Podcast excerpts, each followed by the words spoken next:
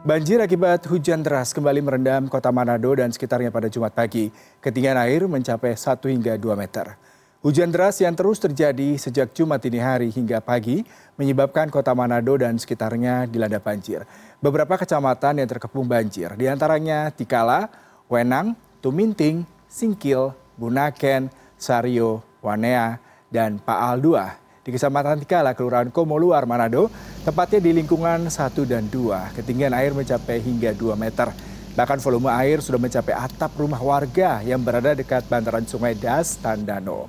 Sebagian warga sudah mengungsi, tetapi sebagian lainnya masih ada yang terjebak di rumahnya.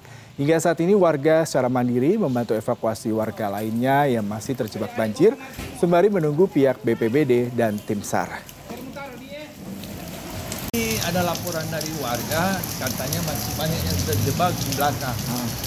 karena air naik kan tidak terlalu kencang dia pelan hmm. tapi sudah agak tinggi ini hmm. jadi mereka anggap enteng hmm. sekarang sudah terjebak jadi ini bermasalah kita di kelurahan Komoluar ya, ya, ya. itu sedangkan eh, apa eh, bantuan itu hanya perahu dari warga ah, hanya perahu perahu mainan